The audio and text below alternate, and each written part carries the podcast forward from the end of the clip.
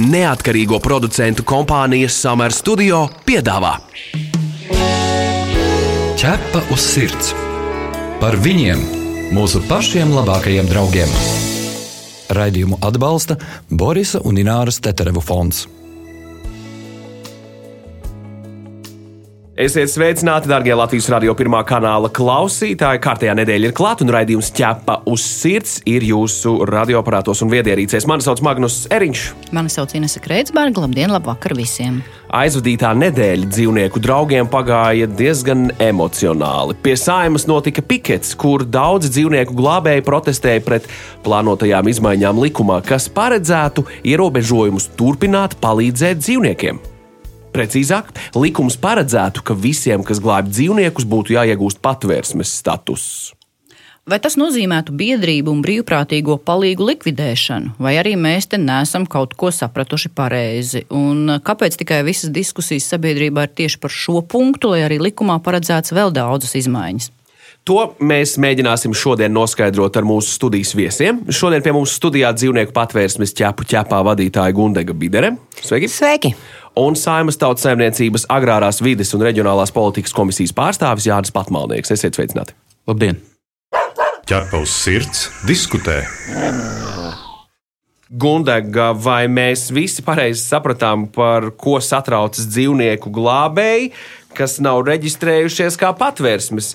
Ka, ja likums paredzēs punktu visiem reģistrēties kā patvērsmēm, tad faktiski biedrība un brīvprātīgais darbs būs nu, pēc būtības apdraudēts un neeksistējošs. Uh, jā, 39 prim 1 uh, paredz to, ka jebkurai personai, kura noķer uz ielas slimu dzīvnieku, izmitina viņu pie sevis pagaidu mājās ārstē, pēc tam vakcinē, čipē, reģistrē, nodod viņu tālāk jaunajiem īpašniekiem. Būs jāreģistrējās kā patvērsmē. E, papildu jautājums no manas puses. Nu, idejas, ka ja mana situācija ar manu kaķi atkārtotos, nu, piemēram, šodien vai, vai pēc nedēļas, nu, respektīvi, šis likums ir pieņemts spēkā tieši tādā redakcijā, kādā tas ir pie manis pieklīst dzīvnieks uz ielas, es labu sirdi gribu palīdzēt šim dzīvniekam, es viņu paņemu pie sevis. Es automātiski skaitos kā pagaidu mājas vai patvērsme. Man jākļūst par patvērsmi, un, un, ja es izdomāju to dzīvnieku paturēt, kas tad ar mani notiek? Es esmu patvērsme, kas paturē dzīvnieku, kas kaut kā kļūst par kaut ko vairāk, vai, vai, vai es šo nesaprotu. To daļu arī es līdz galam nesaprotu, jo uh, tas nav likuma normās norādīts, kas notiek tad, ja tu šo dzīvnieku paturi sev, bet ja tu šim dzīvniekam tālāk meklē jaunas mājas, uh, tad jā, tad tev ir jāreģistrē kā patvērsme. Bet, Gundaga, bet tavam darbam, tam, ko tu dari, jau ir patvērsmes status. Tev ir dzīvnieku patvērsme. Tāpēc loģiski varbūt pajautāt, kāpēc tieši tu satraucies par šo likuma projektu punktu. Mēs no oficiālās biedrības pastāvēšanas laika, kas ir 13 gadi, tikai 4, esam patvērsmes statusā. Visu iepriekšējo laiku mēs juridiski bijām dzīvnieku aizsardzības biedrība bez šī statusa mūsu darba politika kā tāda nav mainījusies. Mēs joprojām glābjam dzīvniekus, un joprojām no pašvaldības izķertiem mums ir tikai viena trešā daļa ar tiem dzīvniekiem, kas uh, nodrošina visu dzīvnieku skaitu pie mums patvērsmē. Jo mēs neatskam palīdzību, jo mums viņa tiek lūgta. Bet šobrīd uz doto mirkli Latvijā dzīvnieku patvērsmes ir pārpildītas. Man uz doto mirkli patvērsmē ir 110 suņi. Mēs esam pilni līdz lūpai. Un kāpēc es satraucos? Ļoti elementāri. Tāpēc, ka ir situācijas, kad šis te brīvprātīgo cilvēku darbs ir neatsverams. Ja man uz patvērsmes atnes mazus kaķēnus, kas ir jāizbaro ar pudelīti, es tīri fiziski nevaru paspēt to izdarīt. Nu, mums nav tādu resursu, bet šim brīvprātīgajam viņam ir laiks. Viņš paņem šos kaķēnus mazos pie sevis uz mājām, ņem viņus, izbaro visus ar pudelīti, pēc tam lēnu garu attārpo, atbluso, savakcinē un meklē šiem dzīvniekiem mājas. Un kas uh, ir daudz būtiskāk? Es tagad tā pateikšu, šausmīgi griebīgi un ļauni pati pret sevi, bet, ja dzīvnieks atrodas pagaidu mājās, viņš psiholoģiski, emocionāli viņš jūtas daudz komfortablāk nekā ja viņš atrodas patvērsmes voljērā. Nebūtu tas nenozīmē to, ka patvērsmēs viss ir slikti. LV. Nē, tā nav. Bet, ja mēs salīdzinām komforta līmeni, tad, nu, es kā piemēru paņemšu skolas, patvērsme būtu salīdzināma ar internātu skolu. Un parastā skola, kur mēs sūtām bērnus, būtu salīdzināma ar pagaidu mājām šiem dzīvniekiem. Un tur ir atšķirības. Es gribētu patmalnieku kungu iesaistīt mūsu sarunā. Um, nu, tas, kas man liekas pārsteidzoši, ka, un tas, kas ir reāli skumji, ka no daudzām lietām, kas ir svarīgas šajā dzīvnieku aizsardzības likuma papildinājumā, Viņas netiek apspriestas tādā publiskajā laukā, un viss, ko sabiedrības sajūta, ir tas, ka vieni dzīvnieku glābēji strīdas ar otru. Vai nav tāds iespējas, kā jums šī situācija liekas?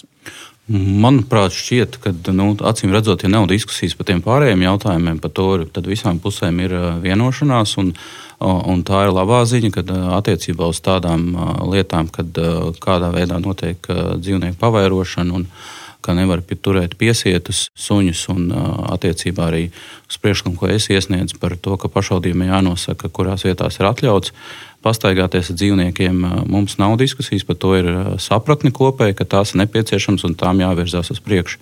Tas, kur notikusi šī aizķeršanās, ir attiecībā uz šo reģistrāciju, kur acīm redzot, amatpersonas, kas iesniedz šo priekšlikumu, ir pārsteigušās. Un, un paldies visām tām daudzajām organizācijām, kuras rakstīja deputātiem un kuras arī cilvēkiem, kuri piedalījās piketā un vērsa uzmanību uz to, ka šāda norma nu, nav iespējams faktiski ieviest, un, un viņa ir kļūdaina. Un, līdz ar to pašlaik tas status ir tāds, ka šīs jāsagaida jauns priekšlikums ir no zemkopības ministrijas un no pārējām iesaistītajām pusēm, kādā veidā risināt šo situāciju. Jo, jo pat ideja jau to, ka mēs uh, vēršamies kaut kādā veidā sabiedrību pret tādām uh, nelabvēlīgām uh, no izpausmēm, kā nelegāls patvērsmes, kur dzīvniekiem tiek nodarīts arī pāri.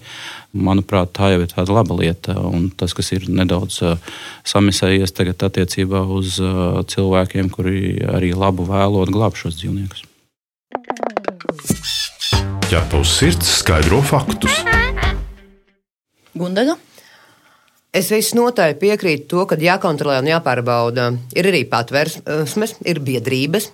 Viņam arī ir nepieciešami beigt šo pārtiks veterinārā dienesta pārbaudi, bet uz doto mirkli ministra kabineta 266. noteikumos ir burvīgs punkts. Ja tu turi piecus vienas sugas dzīvniekus, kas ir sasnieguši sešu mēnešu vecumu, tad tev ir jāreģistrējas pārtiks veterinārijā dienestā, jāziņo principā jau uz doto mirkli ir mehānisms, kā pārtiks veterinārais dienests varētu kontrolēt. Jā, es zinu, viņiem pietrūkst kapacitātes. Par šo es klausos no 2018. gada. Šī ir uh, ilga, sena problēma. Mēs esam piedāvājuši no savas puses dažādus risinājumus, viņi nav akceptēti. Ko es redzu no savas puses par biedrību kontroli, vislielākā problēma visiem ir To, ka tos dzīvniekus, kas ir uzņemti biedrībā, nevar izsekot un nevar saprast, kas ar viņiem gala rezultātā ir noticis. Ierakstiet normatīvajos aktos to, ka biedrībām ir jābūt tādam pašam uzņemšanas aktam, kāds ir patvērsmēs dzīvnieku, tādai pašai vetmedi kartiņai, kāda ir patvērsmēs, un tādam pašam atdošanas aktam. Jums būs dzīvnieku izsekojamība.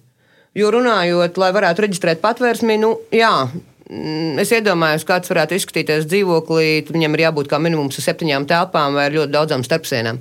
Tīri no reālās puses skatoties. Patmanēji kungs, tas, kas eh, man šķiet nedaudz pārsteidzoši, vērojot procesu, kā tiek virzīts šis likuma projekts, strādājot komisijās, deputātiem nu, patiesībā jāuzticas tādai informācijai, kur tiek pēc būtības pārliecinošāk uh, noprezentēta vai pasniegta. Jo, nu, būsim pavisam godīgi, cilvēki, kuri nav specializējušies šajos jautājumos savā ikdienā, nevar uzreiz ielikt tēmā. Es teikšu, tā, cik reāli daudz laika un iespējas jums komisijā ir, lai reāli iepazītos ar situāciju un noskaidrotu neskaidros jautājumus.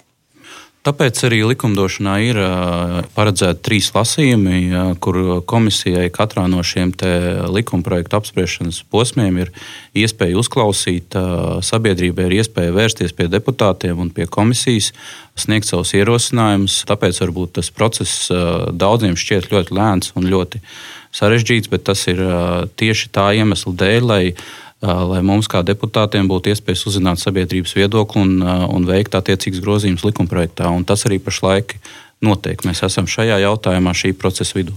Nu, lūk, un te ir interesanta nianse, ka pagājušajā nedēļā sniedzot informāciju par patieso situāciju dzīvnieku labturības jomā Latvijā komisijai deputātiem ir konstatēts, ka iespējams ir sniegta maldinoša informācija. Gundaga, par ko ir runa? Skatoties un pētot šos dokumentus, kuriem mēs saņēmām uz e-pastu, Es uzdūros ļoti dīvainai statistikai, to, ka Latvijā 2022. gada laikā patvērsmēs ir reģistrēti tikai 505 suņi, kas man likās nereāli, jo 2022. gada laikā mēs kā patvērsmu uzņēmām 219 suņus. Rezultātā palūdzu kolēģiem no dzīvnieku policijas, lai viņi pārsūta PVD statistiku, jo mēs kā patversmes mēs visas atskaitāmies pārtiks veterināriem dienestam gada beigās, cik mēs esam uzņēmuši dzīvniekus, cik devuši jauniem saimniekiem, cik vecajiem, cik eitanizējuši, cik miruši, cik ir palikuši uz vietas. Un šie reālie dati par 2022. gadu ir, kad mēs esam uzņēmuši 2615 suņus. Šo maldinošo informāciju Tautsēmniecības komisijai un deputātiem iesūtīja Latvijas Vetārstu biedrība. Oh. Kā arī viņi ar šo informāciju vairākas reizes ir nākusi klajā publiski, tādā veidā manā uztverē mēģinot apmānīt sabiedrību un veidot sabiedrības domu, to, ka pie mums jau nav nekas tik traks, ka viss ir kārtībā. Jā, un dzīvnieku glābēji ir sacēluši troksni tādu lielu, ja nevietā. Nu jā, ka mēs mēģinām apmānīt deputātus un stāstām to, ka pie mums viss taču ir ļoti labi. Un, ja mēs gribam parunāt par statistiku, tad 2021. gadā tika uzņemti 2409 suņi. Tas nozīmē, to, ka mēs ejam nevis uz augšu ar situāciju un uzņemto dzīvnieku skaitu patversmēs, bet, diemžēl, brienam uz grāvi, uz leju. Un tas ir tas, par ko mēs esam runājuši Vairākas reizes mēs šo informāciju pauduši skaļi, ka šī esošā situācija mūsu valstī neuzlabojas. Pagaid, pagaid, pagaid. Tas nozīmē, tu gribi pateikt, ka mēs tagad reāli arī skaitliski pēc cipariem redzam, kādas ir pandēmijas sekas, ka cilvēki sagrābās suņus un tagad viņi tā kā kļuvuši lieki. Jā, protams. Tad vidēji gadā cik ir kļuvuši lieki tie suņi? 2022. gadā patversmēs ir uzņemti 2615 suņu. Šo informāciju var iegūt pārtiks veterinārā dienesta mājaslapā. Bet tev bija salīdzinājums ar iepriekšējo gadu. Jā, un 2021. gadā tie ir 2409. Tas nozīmē to, ka mums uh, ir bijuši vairāk 206 suņi. Nu, tāda tā principā pamesto suņu problēma, par kuru runā pretējā puse, ar ko ir šī diskusija, ka nevis samazinās šis pamesto suņu skaits, bet viņš tieši otrādi palielinās. Diemžēl, jā. Ķepa uz sirds, suņu būda. Kā jau minējām, dzīvnieku aizsardzības likums šobrīd ir atvērts, un tas ir atvērts jau daudzus gadus, un izmaiņas likumā panākt ir ļoti ilgu gadu sarežģīts process. Tāpēc šobrīd esam ļoti tuvu tam, lai likums tiktu papildināts un tajā būtu iestrādātas šīs būtiskās pamatlietas. Kas ir tas, kas šobrīd tiek virzīts likumā, ko mēs vēl varam izrunāt, un, un varbūt var minēt konkrēti, kam noteikti vēl jābūt iekļautam šajā tieši likumā, likuma papildinājumā?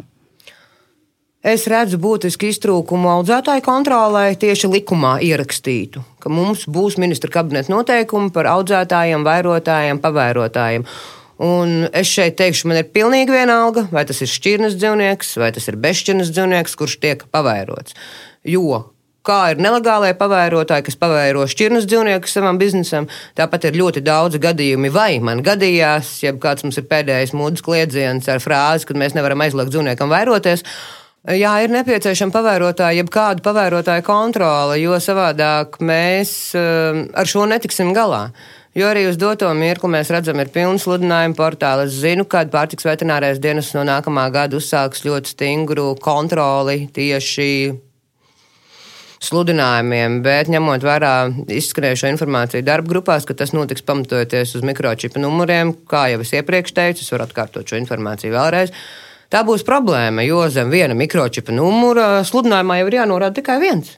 Viņš tirgos suņus pusgadu garumā. Nu, tas nozīmē, piemēram, kucē ir metiens, 12 kucēni, bet viņš reģistrē, piemēram, vienu tikai. Pareizi. Līdz ar to nav pārējie jāreģistrē, un to neviens nevar pierādīt. Bet nu, tas arī būtu mazumiņš. Nu, tas ir tāds mazumiņš. Mēs eh, gribam virzīties uz priekšu tādā ļoti lēnā, gliemežu ātrumā. Bet tas arī atturētu tos uh, trakos cilvēkus, kas nesterilizē savus dzīvniekus un pēc tam bāžās tiem kucēniem virsū. Tie bezšķirnes, kas ir, un, un, un tie nevarētu klasificēties tajā ASS portālā. Nu, kāpēc taisni tāpat viņš aizgāja un vienu sunītu kucēntiņu sačipēja? Tu esi mans draugs, ķepus sirds. Bet, eh, starp citu, vai nav tas moments, ka ļoti daudz cilvēku, arī lēmumu pieņēmēji, viņi dzīvo tajā savā burbulī un bieži pilsētās un, un nezina, kāda ir īstā situācija ārpus. Es nerunāju par jums konkrēti, bet, nu, principā, ka nav varbūt tā reālā sapratne, kas reāli notiek ārpus pilsētas. Nu, kolēģi daudz saimā jāatzīst, ir suņu īpašnieki. Viņi dzīvo ārpus. Jāatcerās, ka no Rīgas tiek ievēlēti 36 deputāti saimā, un pārējie visi tiek ievēlēti no pārējiem Latvijas apgabaliem. Līdz ar to arī pārunājot šos grozījumus ar kolēģiem strīdīgos, protams, ka viņi saprot, ka tāda nav atbalstām. Un, un dalās ar savu pieredzi, kādā veidā varbūt viņi ir vai nu nonākuši, kļuvuši par suņu īpašniekiem, vai kādā veidā viņi paši tur suņus mājās. Jā, tur tā atbildes ir interesants. Es veicu mājas darbus, izpētīju, cik no visiem simts deputātiem kādiem ir suņi un kādiem ir kaķi. Daudziem ir šķirnes dzīvnieki, dažiem bez šķirnes, un, un, un vienam pat bez šķirnes suņu saimniekam. Kad eh, viens bija pateicis, ka viņa kucēna tēvs ir bijis upeņu krūma mīlestība. Tā ir tātad arī mūsu deputātu izpratne par pavairošanu. Bet, nu, katram ir savs viedoklis. Bet man jautājums, Patmalnieks, kungs, kurš jautājums vai papildinājums likumā jums liekas būtiskākais, kas būtu jāatbalsta? Jo tur ir arī tāda, kā jau Gundaga minēja, par pavairotāju darbības ierobežošanu. Likums arī paredz aizliegumu turēt dzīvnieku divus gadus, manuprāt, ja, kas bija tas pēdējā redakcijā, ja tikus konstatēta nežēlīga izturēšanās pret dzīvniekiem. Nu, un tad mūsu ķepus sirds virzītais, nē, bet nu, visu laiku aizstāvētā tēma par aizliegumu aizliegumu turēt suni pie ķēdes. Kas jums liekas tas būtiskākais? Manuprāt, tā turēšana pie ķēdes tas ir tāds uh, salīdzinoši liels pavērsiens. Droši vien būs daudziem suņu turētājiem, tie, kas arī ārpusē, tur ārpus laukos, uh, kur es pats esmu bērnības pavadījis laukos, kur vienmēr suņi lielākoties visi ir bijuši piesieti. Tā ir tāda um, ļoti, manuprāt, liela, liela izmaiņa. Uh, un uh, liks cilvēkiem aizdomāties, kādā veidā viņi uh, savus uh, suņus gan tur, gan arī kādā veidā viņi audzina viņus, un, un, un arī uzlabot droši vien to labturības situāciju vispār kopumā Latvijā, kāda mums ir ar šiem dzīvniekiem. Atgādinām, ka pie mums studijā šodien ir dzīvnieku patvērsmes ķepu ķepā vadītāja Gundaga Bidera un Saimas tautsēmniecības agrārās vides un reģionālās politikas komisijas pārstāvis Jānis Patmalnieks. Šo radio pārēdi, protams, varēsiet dzirdēt arī populārākajās straumēšanas vietnēs podkāstu formā, kā arī mājaslapā www.ķepaus.clv arhīva sadaļā. Tu pazīsti kādu īpašu dzīvnieku draugu? Tavs kaimiņš vai kolēģis palīdz nelaimē nonākušiem suņiem un kaķiem? Varbūt kāds suns vai kaķis izmainīs tavu pašu dzīvi. Raksti mums, un mēs pastāstīsim šo sirsnīgo stāstu pārējiem klausītājiem. Iedrošināsim arī citus izdarīt kādu labu darbu. Gaidām jūsu vēstuli uz info atķepa uz sirds LV principā nu, gan deputāti, gan arī tie, kas iesaistīti lēmumu pieņemšanā, nu, viņi nevar kļūt vienā dienā par ekspertiem dzīvnieku jomā. Un arī lielākai daļai dzīvnieku nav, un šī tēma arī nav tik ļoti tuvu, bet tas jau nu, neizslēdz taisnīgu likumu pieņemšanu. Un tad man jautājums, kā žurnālistam, nu, var jau pētīt dažādu valstu prakses, piemērus. Nu, ir, nu, skaitās, ka mums ir attīstītas valstis, Skandināvija, Šveice, piemēram. Nu, Šveici diezgan bieži mēs minam kā paraugu dzīvnieku labturības ziņā, nu, kaut vai tā iemesla dēļ, ka Šveicē, piemēram, ir dzīvnieku advokāts. Mums nav tāda. Viņi ir panākuši to, ka viņiem ir dzīvnieku advokāts kas var pārstāvēt dzīvnieku tiesības tiesā, piemēram. Un Šveice ir ne tikai sakārtojusi savu likumdošanu, kas gan prasītai daudzus gadus, bet. Bet šīs valsts dzīvnieku advokāti ir arī izpētījuši citu pasaules valstu veselības stāvokli, tieši analizējot likumdošanu un situāciju dzīvnieku labturības ziņā. E, vērtējot valstis indeksā skalā no 1 līdz 8, kur 1 ir vissliktāk un 8 ir vislabāk, kā jums šķiet? Kur tad mēs esam? Skaidrs, ka pirms raidījuma abiem diviem mēs jums, mūsu viesiem, nedaudz ieskicējām tieši informāciju par šo. Mēs Latvijā atrodamies šajā indeksā nu, gandrīz pašā apakšā numurs divi. Tas nozīmē, ka esam mazattīstītas valsts līmenī līdzās Kazahstānai, Krievijai, Bosnijai, Nigērijai un vēl virknei citām valstīm, kas arī nav aizdomājušies par šādām lietām. Tas ir normāli, ka Latvija dzīvnieku labturības ziņā ir vienādā indeksā ar Nigēriju. Nu.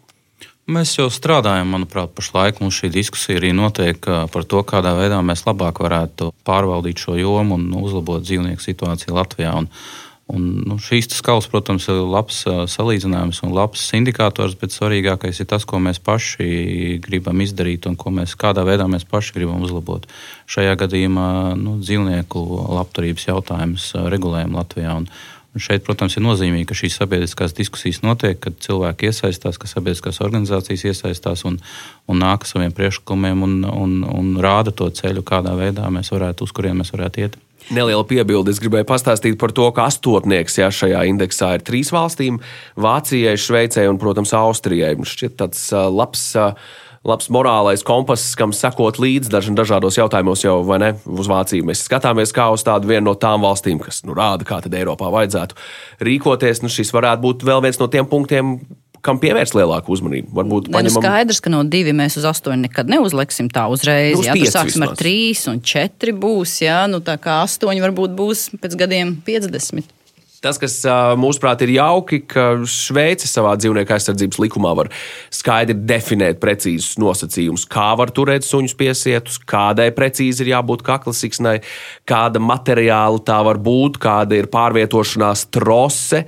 Precīzi atrunāts gan rotējošais elements, gan būdas izmērs, gan suņu guļvietas un seguma parametri. Nu, lūk, bet Latvijā savukārt tās likuma jaunās izmaiņas. Nu, cik es izpētīju, varbūt jūs man varat oponēt. Paredz vienu tikai vienīgu teikumu. Aizliegt turēt piesietu suni, kas dzimis pēc 23. gada februāra, un viss. Pēc idejas sanāk tā, ja man, piemēram, šobrīd mājās ir gadu vecs labradors, nu, viņš pēc brīdiņa sāk, pēc pusgada kļūst ļoti aktīvs. Man patiesībā neviens netraucē to pielikt pie ķēdes, jo, nu, Likuma virzītājs saka, ka nē, nē, nē, tā nebūs. MK noteikumi to precizēs, papildinās, bet šobrīd tie ir tikai solījumi. Spēkā šobrīd ir esošie ministru kabineta noteikumi, kur viss paliek par vecam. Pāris metru gara ķēde un viss. Ir tā, nav tā. Es kaut ko nepareizi minu. Tiklīdz šie grozījumi stāsies spēkā, tā viņi stāsies spēkā. Tā šos dzīvniekus vairs nevarēs turēt piesiets pie ķēdes. Ministra kabineta noteikumi ir jau attiecīgi pēc tam būs jāgroza zemkopības ministrijai, bet viņi šai, tajā sadaļā, kas attieksies uz, uz piesiešanu, viņi zaudēs savu spēku. Bet tā tad ir runa tikai par šo viena teikuma papildināšanu. Jā, tā tad likuma izmaiņās. Šis viens teikums, tas ir vienīgais papildinājums uh, suņu ķēžu sakarā. Tas, kas jāņem vērā, ir, ka uh, likumdevējs darbojas ar šīm vispārīgajām normām, un uh, mēs deleģējam uh, ministru kabinetam pēc tam izstrādāt jau detalizētas specifikācijas. Jo, ja mēs visiem likumiem, kas iet caur tautsēmniecības agrārās vidas un reģionālās politikas komisiju, izstrādāt detalizētu regulējumu, mēs nespētu tikt galā ar šo apjomu. Tāpēc ir ministru kabinets, kuram tiek pateikts, ministrs kabinets lūdzu izdod noteikumus par detalizētu informāciju par to, kādiem jābūt voljeriem, piemēram. Tad ministrs kabinets attiecīgi iesaistot sabiedriskās organizācijas un visas citas puses, citas ministrijas, citas iestādes arī izstrādā šos noteikumus un viņus pieņem. Kā tu, Gundaga, komentētu, vai tas ir labi, slikti, ka visu tālāko procedūru noteiks ministru kabineta noteikumu, ka likumā nevajag iestrādāt tik detalizētu informāciju, kā Šveice ir izdarījusi? Nu, nu, Šveice varbūt zina, varbūt nezina, ko darīt. Nu, Nē, nu, tu ļoti labi iepriekš teici, ka no 2 uz 8 mēs uzreiz neuzliksim. Tas ir tas darbs, kurus ļoti ceru, ka Zemkopības ministrija izveidos darba grupas, piesaistīs dzīvnieku aizsardzības organizācijas. Jo es uzskatu, ka mēs esam nosūtījuši gan daudz informācijas un fotofiksācijas, kā tie izskatās šie dzīvnieki piesiet pie ķēdēm. Un kad savukārt esošajos ministra kabineta noteikumos, balstoties uz likumā norādīto teikumu, varētu iestrādāt šīs te Šveices normas, kas paredzētu, ka prasības ir tādas, tādas, tādas, un likums jau paredz konkrēto aizliegumu dzīvnieku turēšanai ķēdēm. Šobrīd eh, jau tā lielākā diskusija ir par eh, sakām, nevis cēloņiem, būsim godīgi. Kas šobrīd likuma projektā ietver grūtāku mājdzīvnieku iegādi? Jo attīstītās valstis jau sakārtoja šo situāciju, vispirms padarot grūtāk pieejamus dzīvniekus un nosakot bargākus sodus. Jā, tā ir taisnība. Šīs valstis tieši konstatējušas, ka bargs sods strādā vislabāk un nežēlīgu izturēšanos pret dzīvniekiem samazina daudzas reizes, jo psihopāti retāk ņem suņus, jo tiem bailes no naudas un cietums-sodiem. Tāpēc labāk viņi tos suņus un kaķus neņem. Tālāk. Reiz Gundagai bija komentārs. Jā, man ir komentārs. eh, 27. septembrī mandātu un ētikas komisijā tiks izskatīts mana balss iniciatīva par reālu cietumsodu dzīvnieku slepkavām un spīdzinātājiem, kas manā uzturē ir ļoti liels solis uz priekšu, jo šo iniciatīvu viņu ir parakstīta rekordīsā laikā. 10 000 parakstu tri, tika savākti 37 stundās un 20 minūtēs. Un, ja es pareizi atceros, tad uz parakstu iesniegšanu saimā bija 30 tūkstoši parakstu. Kas nozīmē, ka mūsu sabiedrībai ir apnicis tolerēt varmākas. Jā, bet nu, skeptiķi un, un diskusijas dalībnieki kādi iebildīs, ka patiesībā cietumsodu nosaka jau arī esošā likumdošana, bet problēma jau tā, ka tos cietumsodus piemēro ļoti reti. Ar ko šī iniciatīva ir savādāka? Ko viņi Šī vairāk iniciatīva prasa? paredz, ka cietumsots ir obligāts, un man ļoti gribētos cerēt, ka arī esošajā dzīvnieku aizsardzības likumā grozījumus trešo lasījumu paredzēs divu gadu aizliegumu turēt dzīvniekus tiem cilvēkiem, kas pret viņiem ir izturējušies arī cietsirdīgi. Jo uz doto mirkli man ir uh, ļoti skarbs piemērs iz manas patvērsmes ikdienas. Uh, Mēs skaistkalnē pēc policijas lūguma aizbraucām, konstatējām, ka ir divi suņi briesmīgā stāvoklī. Uzņēmām šos suņus, pieaicinot valsts policijas pārstāvjus. Uzsākām šo dzīvnieku ārstēšanu. Diemžēl viens mums neizturēja. Viņš bija tik ļoti nobadināts, un viņa veselības stāvoklis bija tik smags, ka glābt viņu neizdevās. Viņš nomira. Protams, mēs no savas puses uzrakstījām iesniegumu valsts policijai ar lūgumu uzsākt kriminālu lietu pēc 230. panta pirmās daļas. Diemžēl valsts policija šo te aizsūtīja uz pārtiks veterināro dienestu, kas neizskata kriminālu likumu. Viņi šo lietu veica kā administratīvo lietu par cietsirdīgu izturēšanos pret dzīvnieku. Dzīvnieki esošie šajā adresē palika uz vietas. Joprojām, protams, nečipēti, nereģistrēti, kas arī sagādāja grūtības krimināla likuma ierosināt. Un burtiski tikko mēnesi atpakaļ, 700 metrus no adreses, kurā mēs izņēmām šos divus sunīšus, pie mums nonāca sunīts. No šīs te pašas mājas es to suni atpazīstu un ļoti labi atceros arī ar fotofiksāciju šim dzīvniekam. Nonāca viņš pie mums ar galvas traumu, uztaisījām šim dzīvniekam datortomogrāfiju un konstatējām, ka viņam ir smadzeņu tūska. Tas nozīmē, ka viņš ir dabūjis ar trulu priekšmetu pa galvu. Tā ir tā mūsdienu realitāte, kurā ļoti daudzi Cilvēki, kas uh, nežēlīgi izturās pret dzīvniekiem, šobrīd netraucēti ņem viņus atkal. Jā. Tur. Pat Monēkungs, kāds jūs komentārs šai sakarā, kas jūsuprāt šobrīd likuma projektā ietver to šīs jomas sakārtošanu, lai tie varmā, kas nu, viņi nevarētu varbūt tik vienkārši ņemt tos dzīvniekus? Manuprāt, tā kopējā situācija jau tas, ko kolēģis stāstīja, nu, tas neko labu neliecina. Un, acīm redzot, ir, ir jādomā par to, kādā veidā mēs pilnveidojam šo te vai jā, jāizstrādā arī konkrēti priekšlikumi par to, kādā veidā mēs pilnveidojam šo, šo regulējumu, jo nu, tas civilizētā sabiedrībā šādas attieksmes nav pieņemams, un mums kopumā jābūt spējīgiem novērst to, ka šādi neizturās pret dzīvniekiem. Tas, tas arī ir viens no likumdevēja uzdevumiem. Nu, re, domājot par skaisto un jauko nākotni, kas tad ir nākamais solis šobrīd, kas ir dienas kārtībā, lai likuma pieņemšana nebremzētos un mēs varētu iet uz priekšu. Un jautājums Patmalnieku kungam, kā jums šķiet, mēs šogad varam cerēt uz saimas uh, pozitīvu balsojumu šī likuma sakrā? Noteikti mums ā, šogad ir jāpabeidz šī likuma projekta skatīšana. Tagad, par cik sabiedrība ir vērsus uzmanību uz šo vienu punktu, kurš ā, iesniegts varbūt ne gluži pārdomāta redakcija ir bijusi, tad attiecīgi zemkopības ministrijai būs jānāk atpakaļ uz komisiju ar savu priekšlikumu, kādā veidā risināt šo problēmu. Jo es saprotu to vēlmu no viņa puses vērsties pret šīm te, nu, cietsirdīgu izturēšanos pret dzīvniekiem arī savā veidā, bet, bet šeit ir nedaudz pāršauts pār strīpu un, un viņiem šī kļūda jālabo. Kad tas notiksies, tad tūlītās arī komisija turpinās skatīt likuma projektu un virzīs tālāk viņu. Paldies! Nu, sekosim līdzi jautājumam. Atkal neliekam jautājumu zīmi, bet daudz punktu, un sekosim šiem notikumiem visiem līdzi. Vēlreiz liels paldies par viesošanos raidījumā ķepa uz sirds. Vēlējos klausītājiem atgādināt, ka šodien runājām ar dzīvnieku patvērsmes ķepu ķepā vadītāju Gundegu Bideri. Paldies par sarunu! Atā! Un Saimnes tautas saimniecības agrārās vides un reģionālās politikas komisijas pārstāvja Jānis Patmalnieku kungu. Paldies par sarunu! Paldies! Visur kopā - ķepus sirds.